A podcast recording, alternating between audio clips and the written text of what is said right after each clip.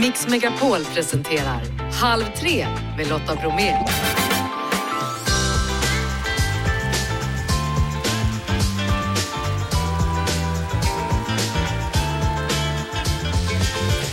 Hallå där och varmt välkommen in i Mix Megapols Halv tre-studio. Idag onsdag, så fixar du vårcykeln. Lär dig något nytt varje dag, Grey of the Day efter klockan 15. Det är Grammisgala ikväll, vi får kommentarer från röda mattan. Vi hör också sång på alviska. Japp, men inte för älvor utan för oss människor. Och strax så kollar vi läget i Liverpool med mindre än en vecka kvar till semifinal nummer ett. Edvard af Sillén är på plats. Nu kör vi! Hörrni, det är kungakröning i London. Vi pratar mer om det efter klockan 16 idag, på lördag alltså. Och en vecka senare då så kröns kungen eller drottningen av Eurovision i Liverpool. Redan på plats Edvard af Sillén som ska kommentera såväl semifinaler som final tillsammans med Måns Zelmerlöw.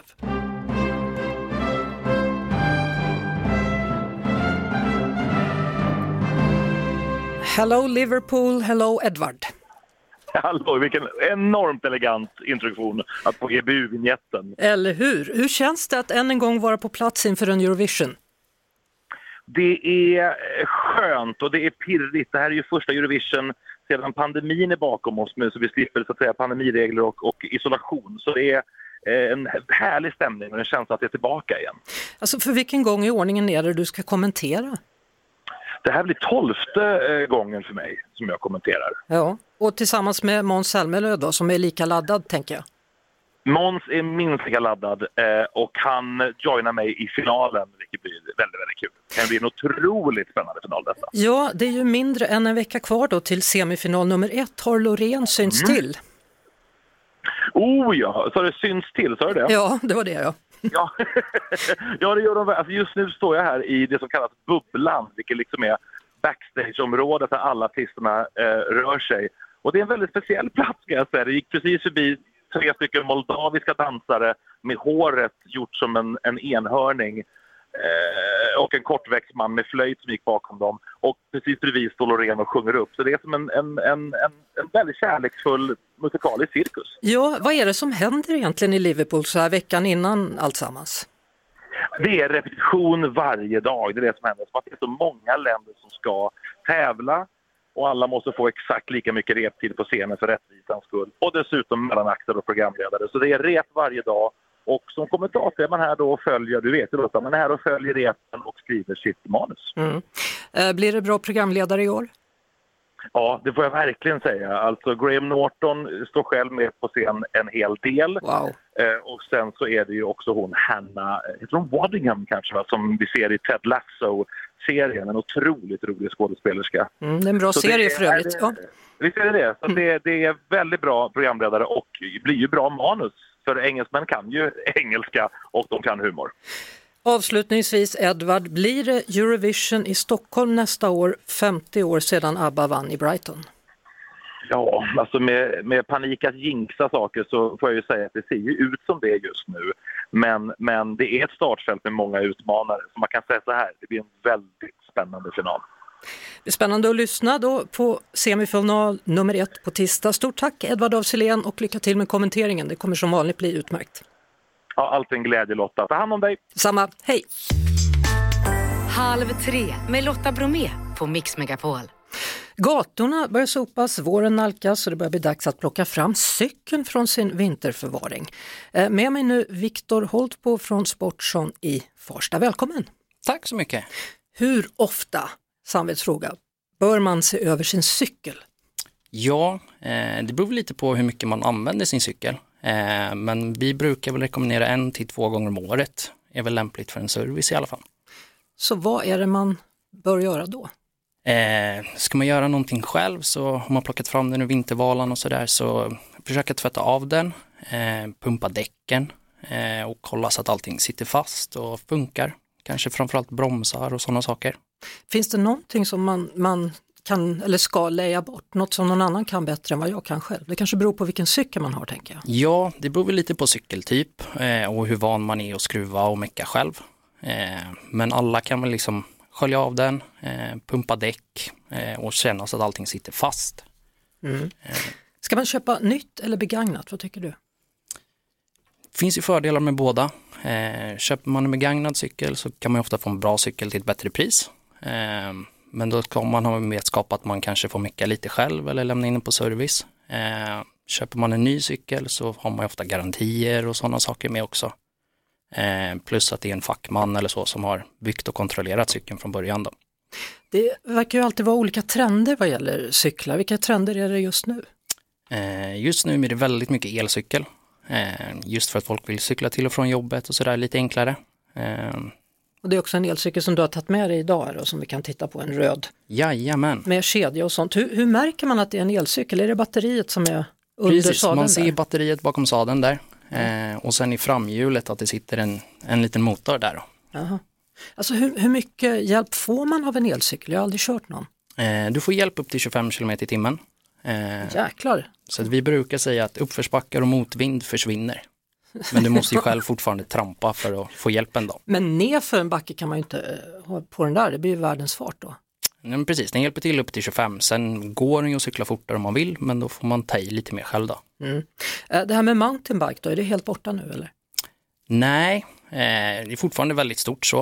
Eh, så det är också en, en variant av cykel, men mer lämpad för, inte så mycket till och från jobbet, utan mer träningsform då. Har du hjälm när du cyklar? Självklart. Ja det är självklart va? Jajamän. Men det är inte alla som tycker det är självklart. Nej, eh, jag föredrar att köra med hjälm för att man har som sagt bara ett huvud. Det är Ja. dumt att inte ha en hjälm då. Man har bara en uppsättning tänder dessutom. Precis. Ja. Jag har med mig Viktor Holtbo från Sportson i Farsta här som har tagit med sig en elcykel. Och under låten här så frågade Janne, som också finns med oss, eh, alltså laddar man den där cykeln? Och det trodde inte jag, men det gör man. Ja, eh, batteriet behöver laddas. Eh, Så det Man- funkar inte som en bil, liksom, att när man kör så laddar det sig automatiskt, eller en båt? nej, tyvärr. Eh, så att man kommer väl ungefär en 4-5 mil per laddning. Ja. Eh, lite beroende på vilken effekt man väljer att använda. Eh, och sen får man ladda den efter det. Mm. Eh, vi nämnde ju tidigare då, eller du snarare, att man ska kolla bromsarna. Hur gör man det på bästa sätt? Eh, lättast sätt är att ställa sig bredvid cykeln och sen hålla in bromsarna om man har dem uppe på styret och liksom rucka cykeln fram och tillbaka. Känna att de tar och att cykeln står still. Eh, alternativt cykla lite lugnt och försiktigt på och känna att de tar ordentligt. Då. Mm. Och om man märker att de inte tar ordentligt, vad gör man då? Eh, antingen om man känner sig lite händig med verktyg och sånt så går de ofta att justera. Eh, annars får man uppsöka en verkstad då, som kan se till att de funkar ordentligt. Händer det att de kan ha slit, slitit? Ja, eh, det är precis som på en bil eller motorcykel att sitta bromsbelägg på den. Då. Eh, så de kan ju slitas om man har cyklat en del. Kedjan, hur gör man med den? Ja, eh, återgå till det att man behöver skölja av cykeln lite sånt så att man får bort allt eh, damm och smuts och sådana saker. Eh, och sen att man har lite kedjeolja på den. Ja, kedjeolja, Ja, det är det eh, som är grejen. Man droppar precis. och sen så vad gör man? Drar runt? Ja, men precis. Droppar. Jag brukar trampa runt cykeln så att den får, kedjan får vandra runt helt enkelt. Sen har vi då däcken, du sa att man ska kolla luften i däcken. Hur vet man det då, att man har rätt tryck? Eh, det gamla vanliga knepet är att klämma på däcken. Eh, är de ganska så hårda så rullar cykeln lite lättare. Eh, är de mjuka så är det större risk för punktering också. Så Varför, varför är det det? Eh, om man cyklar över en trottoarkant till exempel så är det inte så mycket luft som tar emot emellan. Så det är lätt att man klämmer slangen då. Vad är bästa tipset på att laga en punktering? Eh, jag skulle säga byta slangen som sitter i däcket då. Ja. Och då måste man liksom av, karva av den här grejen och sen ut med det och så. Jag låter verkligen kunnig vad det gäller det här känner jag. Ja, absolut. eh, nej, men precis. Man får ta bort däcket och hjulet och så byta slangen inuti då. Har du avslutningsvis några enkla tips på hur man kan få cykeln att hålla längre? Eh, använda den hyfsat regelbundet. Eh, tvätta och smörja. Eh, och cyklar man mycket så lämna in den på en service en till två gånger om året. Och sen antar jag att om man nu köper begagnat så är det väl bra att cykla på den först så att man märker att den funkar. Exakt. Tack så mycket Viktor Holtbo från Sportson i Farsta. Halv tre med Lotta Bromé på Mix Megapol. Och nu ska ni få träffa Micke Hermansson. Mikael Micke Hermansson blev årets lärare 2015. Han har gått ända till miljonfrågan i Postkodmiljonären och hans koncept Grey of the Day sprider sig över världen. En slags mikrolektion där man lär sig något nytt varje dag. Välkommen till Halv tre Micke. Tack så mycket. Varför är det så kul att lära ut och se andra få ny kunskap? Jag tycker att det är både underbart att lära sig och att sen få föra vidare. Så att jag jobbade 30 år som lärare och eh, äh, det var fantastiskt. Sen var det några år sedan nu och det jag gör idag också fantastiskt att möta vuxna och försöka lära ut. Mm. Från början så valde du då att bli mellanstadielärare. Vad är det med den åldern som är mm. extra kul? Jag, jag, gick den gamla skolan där det fanns man kunde plugga lågstadie, mellan eller hög. Och jag hade fått chansen efter lumpen som man gjorde på den tiden alla, att, att vicka lite grann upp i Tärnaby där jag kommer ifrån. Och jag kände att de här 11-12-åringarna, perfekt. Mm. Det är kul, jag har ja, också jobbat som lärare och den åldern är helt ljuvlig. Fortfarande finns ett stort aktivt intresse att läraren, är, vad spännande, vad gör vi idag för något? Mm. Och eh, de kan knyta skorna. Så är det. Eh, innan du kom in hit så fick du en inbjudan för nu vill folk ha dig över hela världen, berätta. Alltså Grave Day var ju bara något som hände i mitt lilla klassrum uppe i Västerbotten under många år. Jag såg att det funkade. Precis nu så kom det en inbjudan från Indien, något World Education Summit som ville ha mig som talare och det är Grave Day de vill åt. Mm. Vi ska prata mer om vad det här Grey of the Day egentligen betyder. Vi ska testa den metoden och lära oss något alldeles strax. Eh, men om jag säger så här, She Loves You, Beatles, vad säger du då? Fantastisk grupp, bra låt och jag kan ju också tramsa till det med att säga att den är förmodligen två minuter och 17 sekunder. Och det stämmer alldeles utmärkt. Tack. Det, ja. vad var det senaste du lärde dig? För sånt där pluggade du när du var yngre.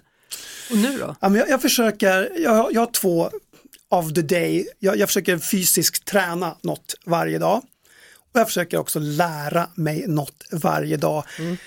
Idag har jag varit på plats på ett företag och coachat presentationsteknik så jag har inte hunnit än men vad kan jag tänka mig det blir Just nu tittar vi mycket på en serie på tv som heter Yellowstone och har blivit lite, lite, lite nyfiken på, eh, jag vet att det finns spin-off-serier första världskriget behöver fräschas upp lite grann. Mm -hmm. Så det kan bli något sånt. Hur kom du på det här? Alltså jag, jag hade jobbat länge som lärare, fick en klass som var utmanande, kallar man det idag. Och jag insåg rätt snabbt den här hösten att de här går i fyran, men jag är rätt chanslös. Förmodligen måste jag byta jobb, skola, något sånt. Men innan man gör det så kan man ju faktiskt släppa handbroms och testa vad som helst. Och jag visste hur jag lärde mig saker. Jag ville vara nyfiken, håll det kort, ge mig ett wow, berätta en story istället för bara fakta. Och sen om det är bra så kommer jag återberätta det här för en tredje part. Och så gjorde inte jag i klassrummet, det var mycket så här, nu läser vi det här, sen kommer frågor, sen ska ni ha prov och läxor. Så, så jag konceptuerade det här med en ledtråd dagen innan så man var nyfiken och den skulle inte gå att googla riktigt, den var lite lurigare än så. Det kunde vara en text eller en bild eller både och. Man tog hem den, man snackade med föräldrar, kom tillbaks dagen efter, Micke, ja, jag vet vad det är, ja, lugn, Shh, tyst. 8.30, vi kör alltid 8.30 på det här. Sen körde jag en för inspelad, höll på att säga, förintränad mikrolektion som skulle vara åtta minuter plus minus kanske en. Mm. Uh, superkort om random saker, bara det var spännande och slutade med ett wow. Visste du att? Och det var alltid min avslutning. Och sen när man fick klassen framåtlutad så var jag klar. Och här märkte jag att de, de ville inte alls att jag skulle vara klar helt plötsligt. Det var liksom, vi vill ha mer. Nej, sa jag, men inte just nu. Mm. För här är det lätt som lärare att bli lite, ja men de verkar tycka om det, jag fortsätter tills det här blev tråkigt jag, jag ville att de här mikrolektionerna skulle vara high energy, det skulle vara, det skulle vara puls, det skulle vara dopamin och jag ville att de gick hem och återberättade mm. en kortis för någon där hemma, helst en vuxen. Och det här blev så bra och sen byggde vi ut konceptet mer och mer. Och så hade vi något som jag inte kunde sluta, jag jobbade sex år till, gjorde 700 grejer innan det började spridas. På riktigt. Och nu har det alltså spridit sig över hela världen och det är inte bara elever längre utan det är också företag som Ja, men använder det är sig så av roligt. detta. Det, det, först var Norge nyfikna och Finland och så kom Nederländerna och nu är det Frankrike. Indien tycks ha fått nys om det, Mm. Australien likaså. Och även företag som märker att det handlar kanske inte om faktan i sig, det handlar om paketeringen. Jobba med hjärnan istället Mm. för mot. Så jo, det, det är spännande saker. Ja, vi ska testa här nu då att lära oss något nytt. Du ska få ge oss en tease som ska få igång både mig och lyssnarna. Vad är din tease? Ja, men om, om jag får plocka mina favoritledtrådar och teasers så är det här en som direkt poppar upp. Då skulle jag ha lagt en ledtråd så här. Visste du att blåvalens tunga väger lika mycket som en fullvuxen och där skulle jag sätta tre prickar och lämna dem dinglande till imorgon klockan 8.30. Men vi lämnar eh, lyssnarna dinglande. Och innan låten då så fick vi en ledtråd för att få igång våra hjärnor då av Micke Hermansson, Grey of the Day och nu är det dags att eh, lära oss något då. Om du upprepar den igen då ifall det kommit någon som inte hörde. Ja, men precis. Jag tror jag sa så här. Visste du att blåvalens tunga väger lika mycket som en fullvuxen? Och där satte jag prick. Där satte du prick ja. Och nu du som lyssnar kan du tänka på ditt svar. Jag hann inte tänka för facit sitter precis bredvid mig. Det är Janne, han gapar med en gång. Vad var rätt svar? Eh, Det rätta svaret är att eh, den väger lika mycket som en eh, elefant. Ja, Fullvuxen elefant. Och ska vi peta riktigt på det applåder. Fullvuxen elefanthona så att ingen kommer helt snett här nu. Så vad händer sen då? Nej, men det, här, det här skickade jag med eleverna på eftermiddagen. De fick det på min tavla, de fick det på en stripe, de fick det på sikt också hemskickat till föräldrar och vårdnadshavare. Och det jag märkte var att ganska snabbt så hade jag åtminstone 80-85% som jobbade med det hemma. Man ringde morfar, man, man, man undrade på basketträningen och det här var liksom spännande. Man kom tillbaks dagen efter och jag hade förberett då om, i det här fallet så hade jag egentligen gett svaret. Det var ju blåvalen som det skulle handla om, men nu var det bara ett exempel. Åtta minuter om blåvalen och det är en story, det är inte fakta på parad. Den slutar med ett, och förresten, visste ni att? Då kanske det är en ännu bättre grej än den här tungan som dyker upp. Vad blir det då? Ja, det vet jag 17, jag, jag, jag vågar inte säga riktigt. Men, men tricket är att ge något som man ibland slarvigt kallar värdelöst vetande.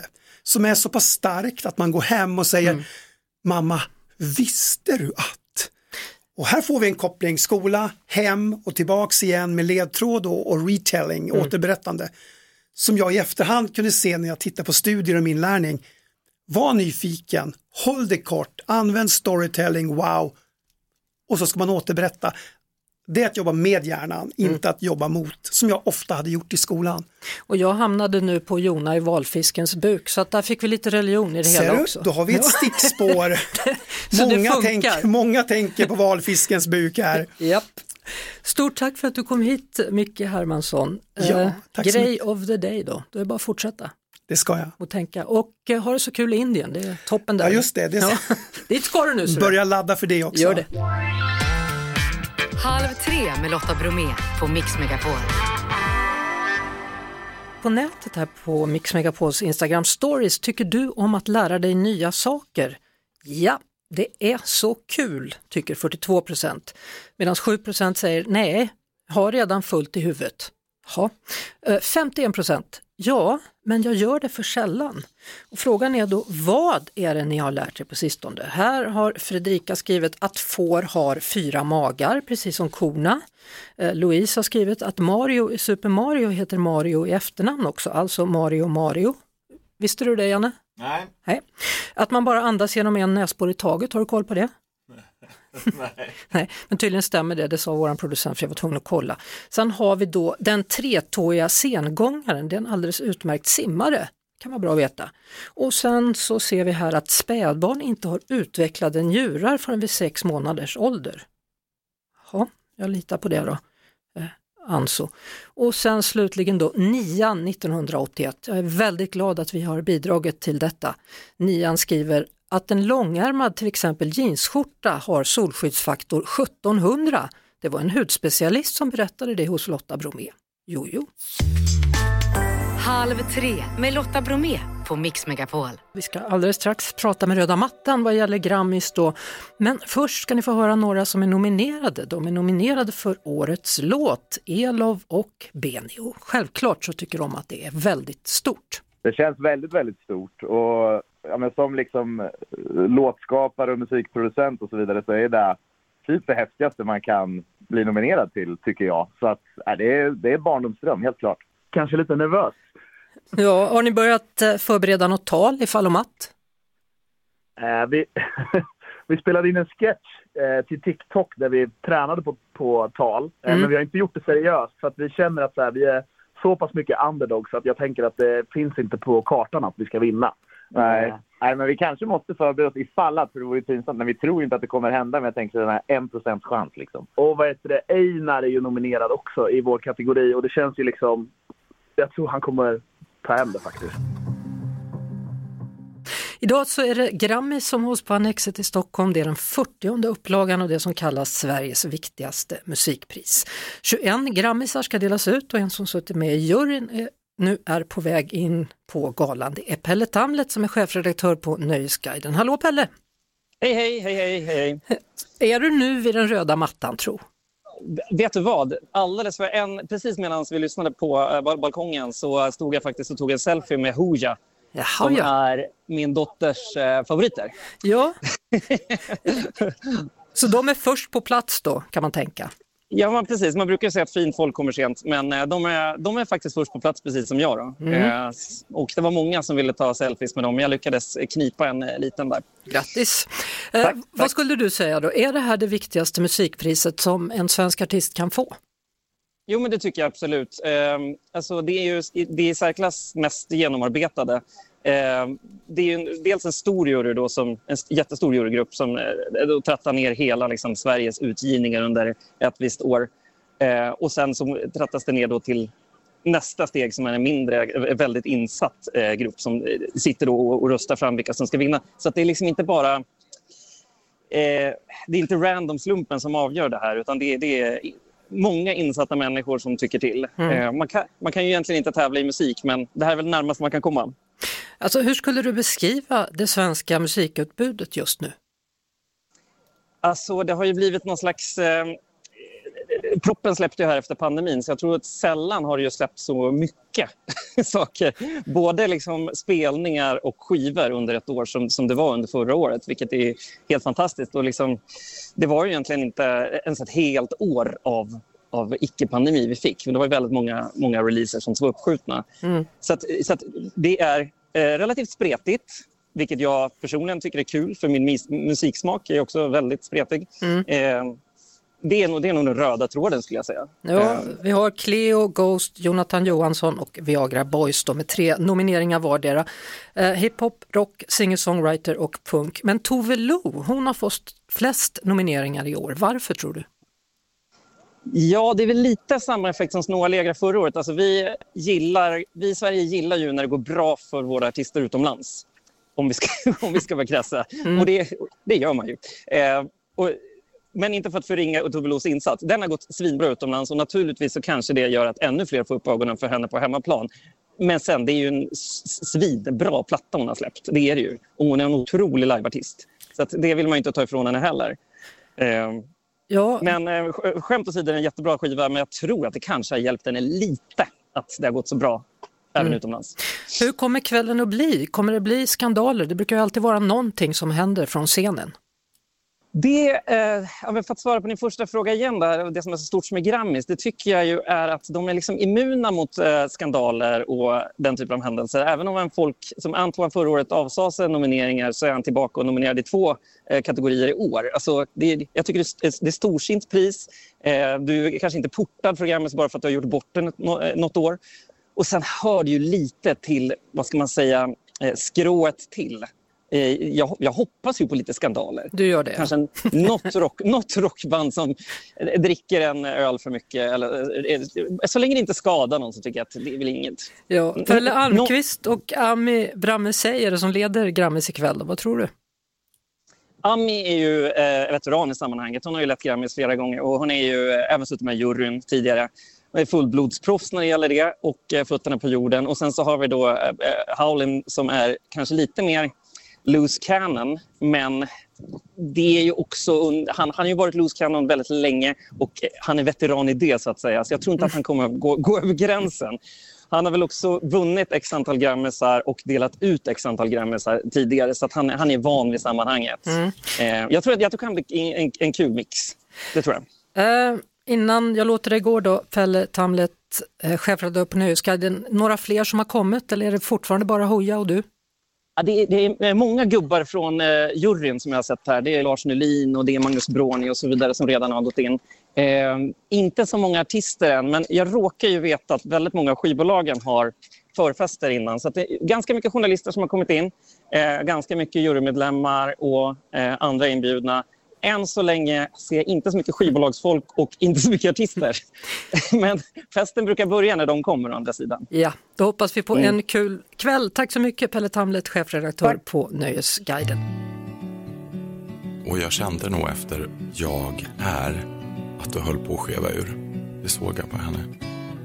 Jag sa ändå tredje ordet och jag hade rätt i det att hon inte tog det så väl. Det handlar om att våga vara den man är. Att visa vem man är. Oavsett hur det tas emot. För annars så riskerar man ju att implodera. Istället så har han valt att explodera. Både ord och färger. Han har just avslutat Drag Race Sverige på SVT. Och nu spelar han Puck i en midsommarnattsdröm på Kungliga Operan. Vem snackar jag med? Jo, skådespelaren och programledaren Robert Fuchs. Nytt avsnitt ute nu av podden Vem snackar med Lotta? Finns på podplay.se eller i podplayappen. Ja, kröningen den närmar sig. På lördag så är det dags. Och Camilla Coates Car, hur går det med shortbread? ja, min syster och vi ska äta shortbread ur en jättesnygg burk med kunglig krona ovanpå medan vi sitter och tittar på där. Charles, han är ju huvudrollen på lördag. Då ska han ju få en krona på huvudet och den är ju historisk. Den hade Charles den andra på huvudet när han kröntes 1661. Och den har gjorts om så att den är rätt storlek till Charles huvud. Vet du om de har fått göra den större eller mindre? Nej, det vet jag inte, men jag skulle tro större. Sen har vi då Camilla som har hetat Queen Consort. Vad betyder det? Det betyder alltså liksom att man inte är full drottning. Drottning Elisabeth hade gått med på att hon skulle heta Queen Consort. Och nu har Charles bara beslutat att han ska göra sig av med det där Consort. Så nu blir hon Queen Camilla efter kröningen. Och det måste väl betyda att även hon får en krona på huvudet då på lördag? Hon ska få världens krona på huvudet. Den ägdes av drottning Elisabeths farmor, Queen Mary. Och den har 2200 diamanter och värdet är 400 miljoner pund. Så hon ska få en verkligen fin krona på huvudet. Ja, verkligen. Och sen har man då en tradition som handlar om smörjning. Vad är det för någonting? Det är höjdpunkten på hela kröningen. Då är det en olja som har blivit välsignad i Jerusalem och kommer därifrån. Den ska smörjas på olika delar av kroppen på kungen så han har beställt en skärm och då ska den smörjas på pannan, på bröstet, på skuldrorna och längs armarna. Och Camilla hon ska också smörjas. Ja, det är klart hon ska eftersom hon ska bli drottning då, tänker jag. Ja, men hon får ingen skärm. Så hon, så hon kommer stå halvnaken för alla? Ja, men jag tror kanske att de bara kanske gör det på pannan på henne eller någonting sånt där. Ja, man får hoppas det för hennes skull va? Ja, men en sak till som hör till med kröningen det är att påven har skänkt, ja det måste ju bara vara en liten flisa, men i alla fall av Jesus kors till den här kröningen. Jag visste inte ens att påven hade hans kors, men då vet vi det. Inte jag heller. Nej, men nu vet vi var ja. det tog vägen. Jaha, Frågan är då vilka får den stora äran att vara med om denna historiska kröning? Det blir 2000 och det är många som är besvikna att de inte har blivit bjudna men så är det ju när det är fest. Det som är lite märkligt det är att Andrew Parker Bowles, Camillas ex, han är bjuden. Men ingen från Dianas släkt, hon var ju i alla fall Harry Williams mor, ingen är inbjuden så det är lite lustigt. Men vem kommer? Jo, Beckhams kommer. Såklart. Ja, så att eh, det är en blandad kompott. Du, äh, ät inte för många shortbread innan själva kröningen då, så att ni har något kvar. Ja, och tyvärr, vi har inte tagit in någon champagne så det blir nog bara en whisky i år. Då blir det så det blir. Stort tack Camilla! Tack snälla Lotta, ha det så trevligt själv. Hej! Hej! Halv tre med Lotta Bromé på Mix Megapol. Hörrni, att sjunga på ett helt nytt språk kan ju verka komplicerat. Att språket dessutom endast existerar i böcker, filmer och datorspel ökar ju svårighetsgraden än mer. Men Jenny Tideman Österbergs kör Eldandili Fantasy Choir verkar ha knäckt den här koden. Hallå Jenny! Hallå! För ni är verkligen en unik kör. Ni framför era låtar då på olika fantasyspråk om jag har förstått det rätt. Det gör vi, ganska många olika språk faktiskt. Eh, många olika alviska språk och sen även språk som existerar i den här världen så att säga. Nu på lördag då ska ni ha ett framträdande på alviska i Gustavs kyrka i Säter. Hur har du gjort för att kören ska lära sig språket? Ja, till att börja med så fick ju jag lära mig lite grann, framförallt uttal och lite sådär. Eh, och sen när man studerar in det här, precis som när man studerar in alltså vilken text som helst, vilken sångtext som helst, så får man ju jobba med liksom uttal och hur man binder ihop meningar och sådär. Så det är liksom samma approach, bara det att kanske är lite svårare. ja, finns det olika dialekter också vad gäller alvspråk? Ja, alltså det finns ju helt olika språk eh, kan man säga. Alltså Tolkien till exempel alltså, har ju byggt upp en hel språkhistoria i sina berättelser. Det börjar liksom med ett språk som har utvecklats till över 20 olika alviska språk. Liksom. Mm. Och sen finns det ju alviska språk i många andra fiktiva världar eh, och tv-spel och sådär också. Ni har ju varit aktiva då sedan 2017, eh, men man undrar ju ändå hur fick du idén till att ta en kör som framför sånger på fantasyspråk? Ja, men alltså jag älskar ju att sjunga. Jag har alltid älskat att sjunga, älskar körsång och jag har alltid varit en riktig nörd och har älskat liksom att läsa Tolkien och titta på sådana filmer och spela jättemycket tv-spel, mer timmar än jag vill erkänna för någon. Mm. Eh, så det har alltid varit en dröm att liksom kombinera de här två stora passionerna i mitt liv. Liksom. Och sen när jag såg eh, Lord of the Rings-trilogin 2001, då föddes den här idén att tänk om jag kunde få göra det här, liksom en konsert med den här musiken. Ja. Eh, och då träffade jag eh, och lärde känna eh, han som var musiker då här i Gustavs kyrka då, Daniel Larsson. Vi var jättegoda vänner. Så körde jag väl lite mjuk manipulation och så. och sen så sa jag, ja men nu kör vi det här, det blir kul. Ja. Ni använder ju då er av noter precis som en vanlig kör då, men på alviska så uttalas noterna annorlunda. Alltså hur många sånger kan ni då? Ja, men alltså nu har vi hållit på i några år så att nu har vi nog sjungit en 20-25 låtar på alviska i alla fall. Det har vi nog gjort. Ja, och var kommer sångerna ifrån då? Ja, men framförallt så har vi ju jobbat med musiken från Lord of the Rings-trilogin. Eh, men vi har också sjungit jättemycket från tv-spel så att den här konserten så gör vi mycket musik också från World of Warcraft till exempel och Skyrim och Narnia. Så det Jaha. finns ju liksom hur mycket material som helst. ja. Eh, ni har ju sålt slut då såklart till lördagens konsert. Här. Vad tror du det är som lockar besökarna? Jag tror att det är liksom, folk gillar det här konceptuella liksom. Att det är bara musik från liksom fantasygenren kan man säga. Och sen att vi såklart uppträder i cosplay. Och körsångarna de anstränger sig jättemycket med sin cosplay. Det är ju vissa som syr sina kostymer själva ja. och det är jättemycket makeup som ligger bakom och liksom ett års planering liksom, till sin kostym så att säga. Vilken... Och det tror jag också publiken tycker är kul. Ja, vilken kostym har du på lördag då? Jag ska vara en Blood Elf från World of Warcraft. Eh, och det är ju en, en jättejobbig kostym. Det tar ungefär fyra timmar faktiskt. Men hur varmt... bli färdig. Det är nästan som Masked Singer alltså. Hur varmt blir det att stå i en sån där och sjunga? Ja, men det beror ju på vilken figur man ska vara. Men det blir jättevarmt bara man sätter på sig en peruk och öron liksom. Ja, vad är det för öron på den där? Långa? Ja, det är väldigt långa öron på World of Warcraft-alverna. Ja, och långa ögonbryn också. Det också. Ja. Du, vi måste väl nästan avsluta med en liten kort sång på alviska. Kan du bjuda på det tro? Ja, men en liten kort ja. kan ni få höra. Tack. Lord of the Rings. Tack.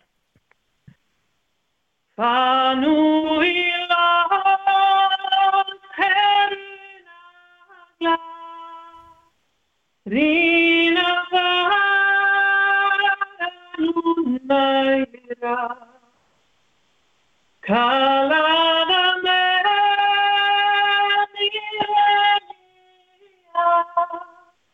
Mi drev i en hora eh, Jag pratar ju inte alviska, vad handlade det om? Det här handlar, det är en dikt som Tolkien har skrivit om Elbereskil Soniel som är en valar, en gudinna som har skapat alla stjärnor i Middle-earth. Du, man lär sig något varje dag. Det gör man ofta. ja. Stort tack för att du var med och ville bjuda på den här kunskapen då, Jenny Tideman Österberg. Tusen tack! Lotta och Albin säger tack för idag. Det gör också mina tre Jean, Janne, Jeanette och Jeff med efternamnet Neumann. Och fortsätt lyssna på Mix Megapol. Snart kan det vara du som vinner pengarna. Ett poddtips från Podplay. I podden Något Kaiko garanterar östgötarna Brutti och jag, Davva, dig en stor dos skratt. Där följer jag pladask för köttätandet igen. Man är lite som en jävla vampyr. Man har fått lite blodsmak och då måste man ha mer. Udda spaningar, fängslande anekdoter och en och annan arg rant. Jag måste ha mitt kaffe på morgonen för annars är jag ingen trevlig människa. Då är du ingen trevlig människa, punkt. Något Kaiko, hör du på Podplay. Därför är gardinerna.